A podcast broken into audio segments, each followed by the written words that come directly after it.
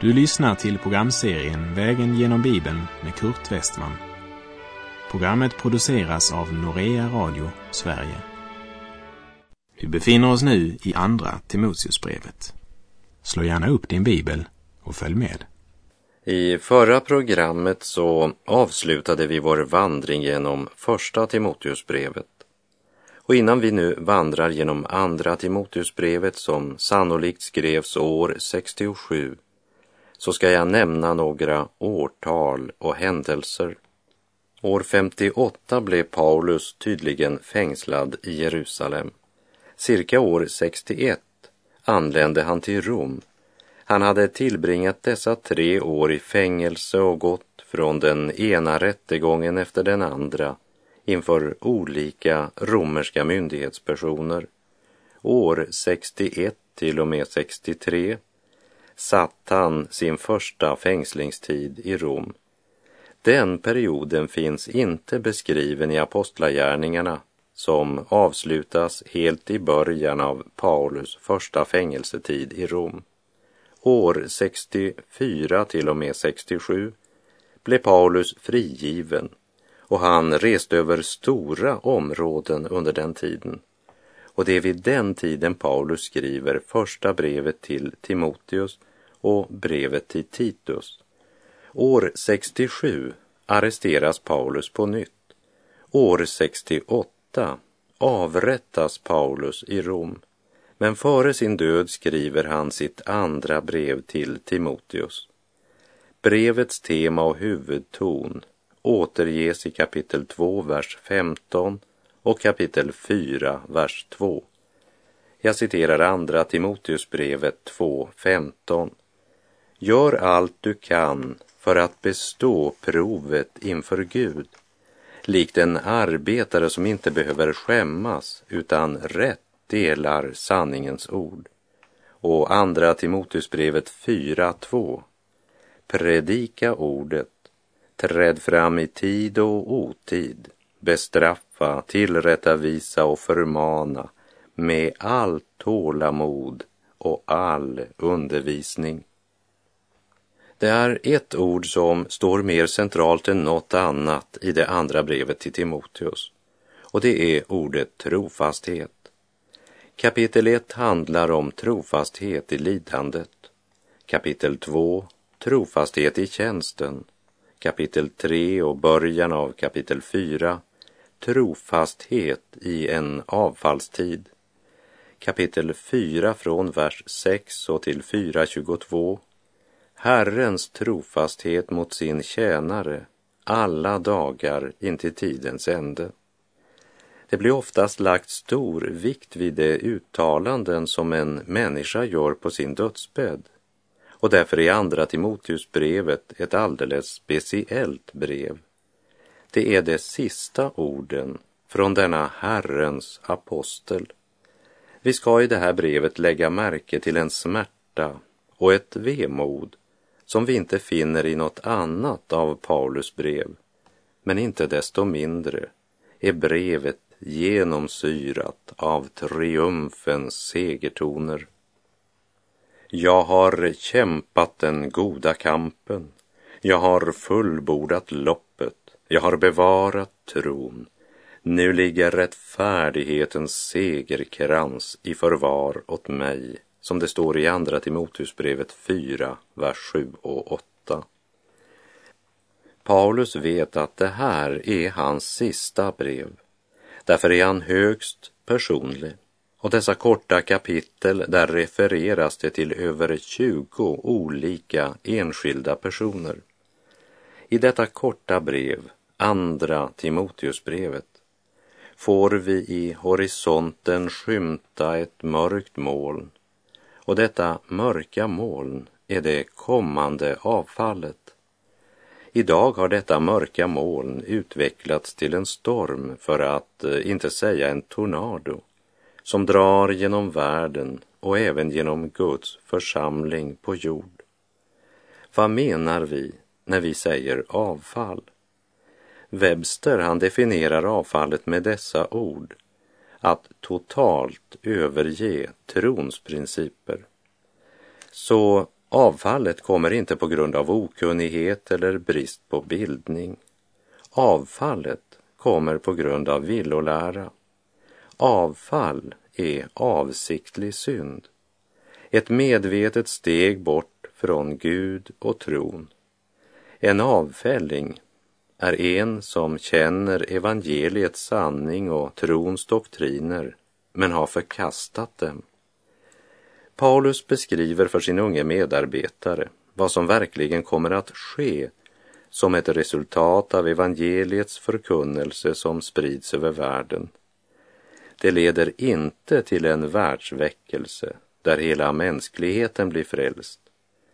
Men det kommer ett avfall som är så stort att Jesus i liknelsen om änkan och den orättfärdige domaren säger inför sin återkomst. Men ska väl Människosonen, när han kommer, finna en sådan tro på jorden, som det står i Lukas 18.8. Men det sociala evangelium som predikas idag har inte det perspektivet. För man inbillar sig kunna rädda världen genom en eller annan politisk förändring. Och sådana missledda optimister har ingen förståelse för de dystra tongångar som möter oss i Andra Timoteusbrevets budskap. Den synliga församlingen är starkt präglad av avfallet, men den osynliga församlingen som är det sanna troende går inte på samma väg. Och på grund av det stora avfallet så fokuserar Paulus här starkt på Guds ord. Ja, starkare än i något annat brev. Paulus vet att han snart ska dö, men evangeliet, det är budskapet om honom som har besegrat döden. Därför säger Paulus i detta brev att han genom Guds vilja är Kristi Jesu apostel, sänd för att predika löftet om liv i Kristus Jesus. Evangeliet strålar som en morgonstjärna över en jord full av gravar och det förkunnar syndernas förlåtelse, uppståndelse, liv och salighet. Men det är ingen verklighetsflykt. Aposteln blundar inte för de svårigheter Gud har uppenbarat ska komma. Och han vet att genom avfallets tid kommer endast det att bestå som håller fast vid Guds ord. O Gud all sanningskälla, jag tror ditt löftesord. Vad du har sagt ska gälla i himmel och på jord.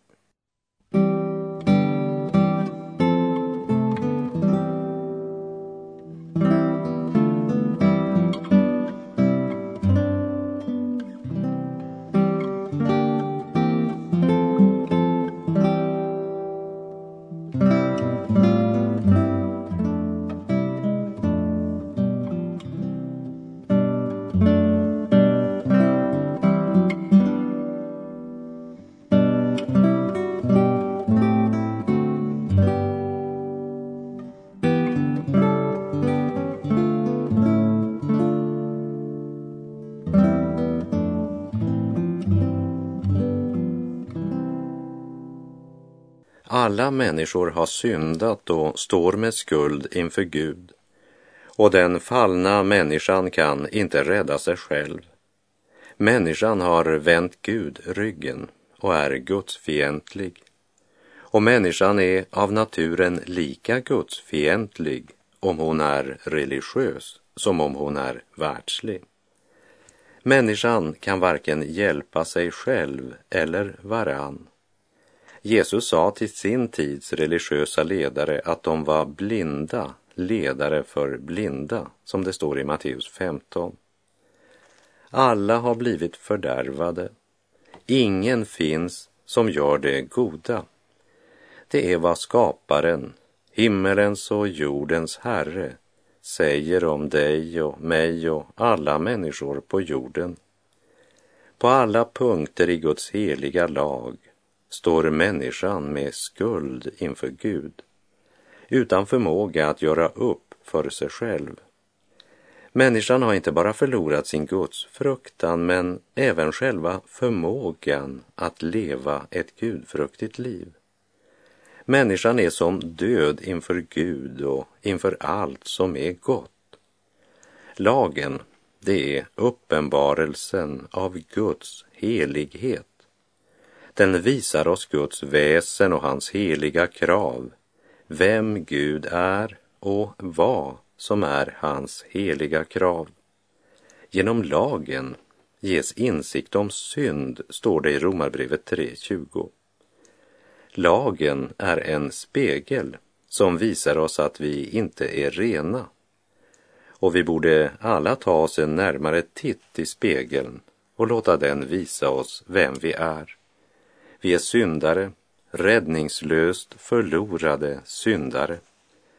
Att försöka bli rättfärdig genom att hålla lagen, det är som att hoppa ut från en båt mitt ute på Atlanten med en cementsäck på ryggen istället för en flytväst.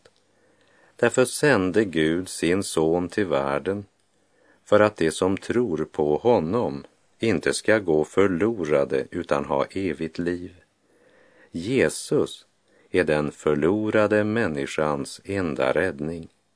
Därför finns det bara en lösning på människans nöd och det är evangeliet om Guds nåd som i kraft av Jesu Kristi försoningsstöd för våra synder och hans segerrika uppståndelse genom tron ger oss rättfärdigheten från Gud. Tron på Kristus förvandlar människan, men förkunnelse präglad av liberal teologi försöker med tre andra vägar. Den ena avvägen den bygger på en förkunnelse som inte är något annat än populärpsykologi. Och temat, ja, det skiftar mellan hur man lär sig att tänka positivt och så acceptera dig själv och hur jag får bättre självförtroende. Man säger att det gäller bara att upptäcka hur mycket man kan. Och man inbillar människan att nu kan hon få hjälp för nu vet man så mycket bättre än förr. Men populärpsykologin tycks inte ha fört oss någonstans. En annan typ av liberal förkunnelse handlar om etik. Man förmedlar ett sött litet evangelium vars budskap låter ungefär så här. Gud är bättre än det onda eftersom det är det bästa för dig i längden och man förkunnar inte Jesus som offerlammet. Man talar mera om att Jesus kom till jorden för att vara en god förebild för oss. En sån församling kännetecknas av en vänlig och mild pastor som talar till sin vänliga församling och uppmanar dem att bli ännu vänligare mot varann. Inte undra på att Jesus sa till församlingen i Laodikea jag känner dina gärningar. Du är varken kall eller varm. Jag skulle önska att du var kall eller varm. Men eftersom du är ljum och varken varm eller kall ska jag spy ut dig ur min mun, som det står i Johannes uppenbarelse 3, vers 15 och 16. En tredje variant av liberal förkunnelse, det är det sociala evangeliet som förkunnar pacifism, social rättvisa, bättre relation mellan olika raser och en social kristen ordning. Som en kontrast till allt detta så blir människor verkligen förenade i Kristus när evangeliet förkunnas rent och klart. Endast evangeliet om Jesus kan göra oss till bröder och systrar. Och då betyder varken hudfärg eller kulturskillnader något längre. Det finns bara en fredsförste för vår värld. Det är Jesus. Jesus Kristus, Messias, Guds son, Så låt oss predika löftet om liv genom Jesus Kristus, vår Herre. Det är den förmaningen Paulus ger till Timoteus här i Andra Timoteusbrevet. Paulus vet att hans livsvandring närmar sig slutet, samtidigt som han för sin egen del ser fram emot segerkransen i härlighet. Så tänker han i vemod på sin unge vän och medarbetare som ska fortsätta att predika evangeliet i en värld där de flesta kommer att vända Gud ryggen. I det här brevet handlar det inte om församlingsföreståndaren men om individen, personen Timoteus, den nära vännen. Och det finns ting i brevet som kan tyda på att Timoteus höll på att förlora gnistan och inspirationen. Kanske hade de olika villolärarna gett honom både svårigheter och mycket motstånd. Men det är inte det mörka orosmolnet som är Paulus huvudmotiv i det här brevet, utan ljuset, löftet om liv.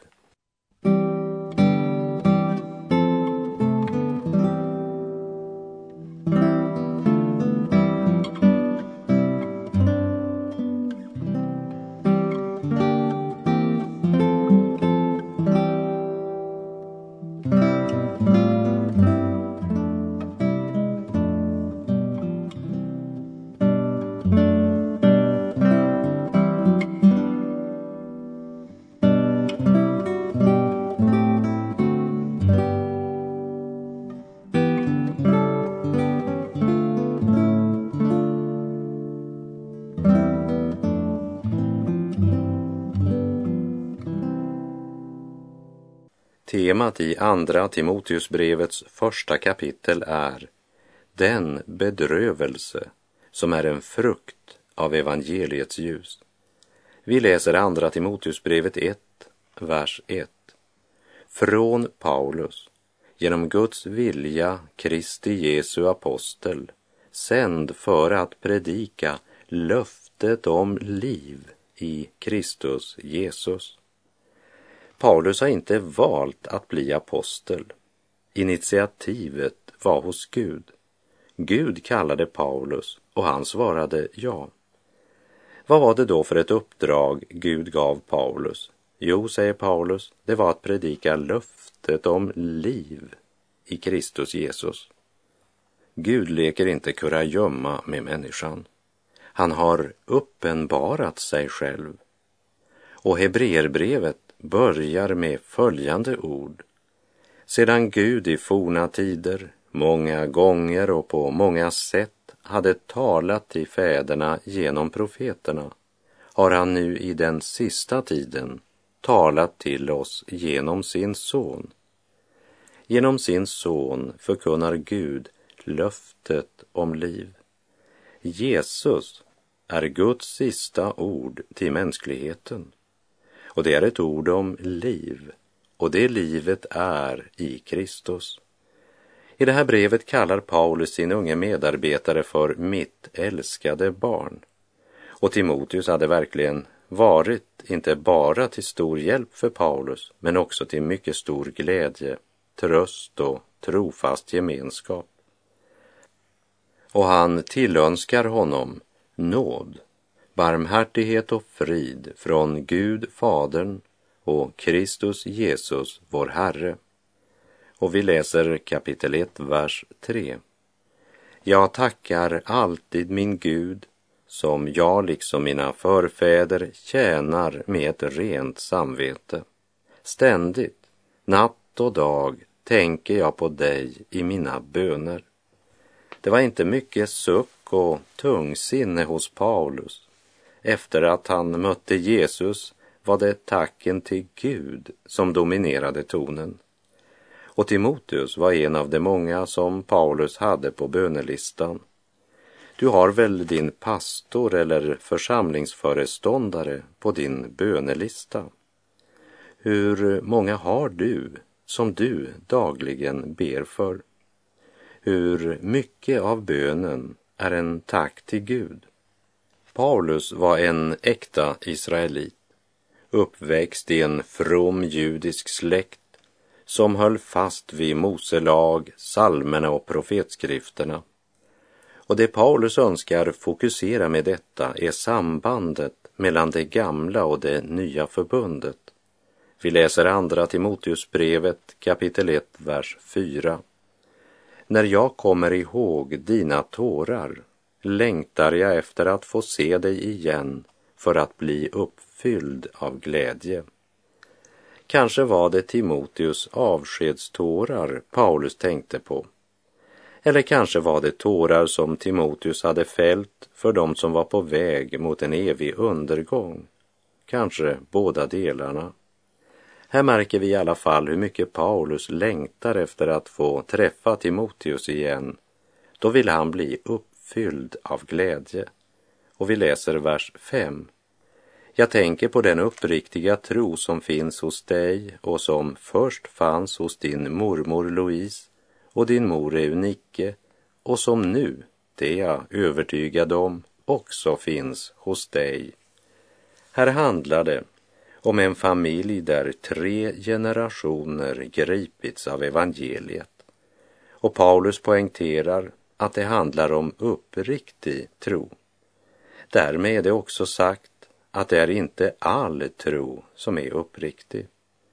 Så det viktigaste är inte att vi tror, men vad vi tror, eller rättare, vem vi tror på.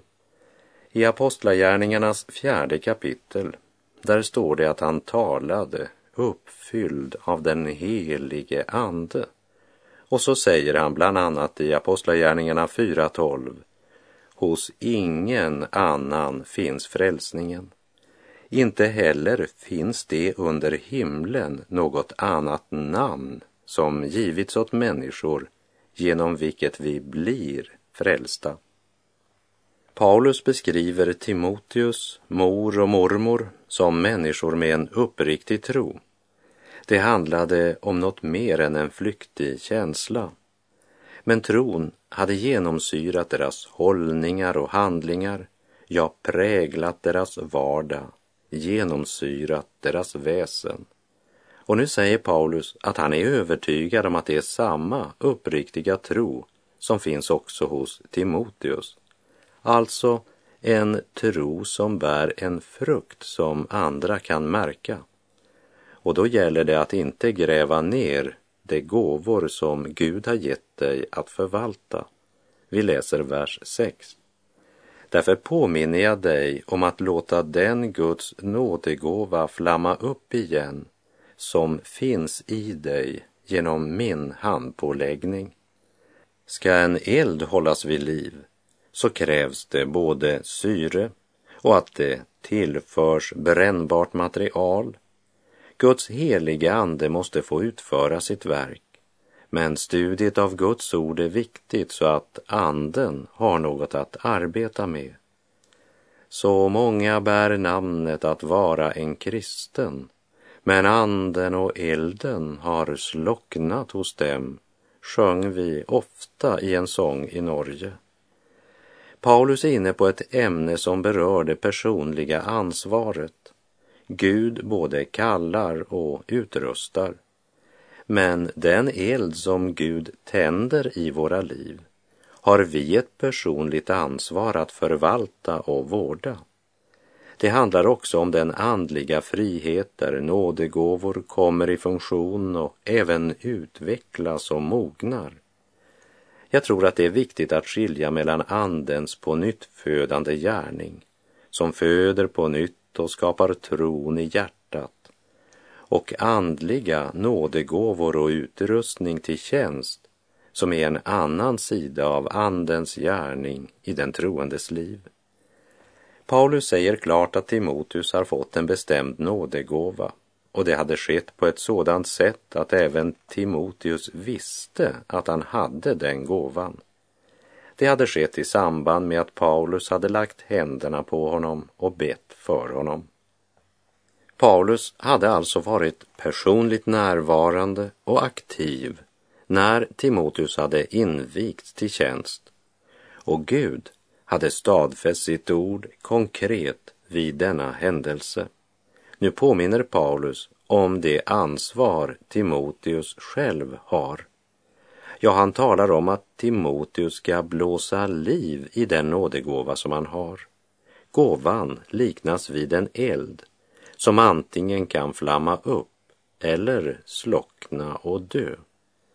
Och att den elden redan brunne som du, o Jesus, tända vill. Ja, kom, o Jesus, till oss alla och värm oss med din kärleksglöd. Låt oss ej längre gå så kalla för egen och för andras nöd. Och med det så är vår tid ute för den här gången. Må Gud, som kallat dig till sitt barn och därmed till sitt vittne, utrusta dig med kraft ifrån höjden till att vara hans vittne. Herren vare med dig. Må hans välsignelse vila över dig. Gud är god.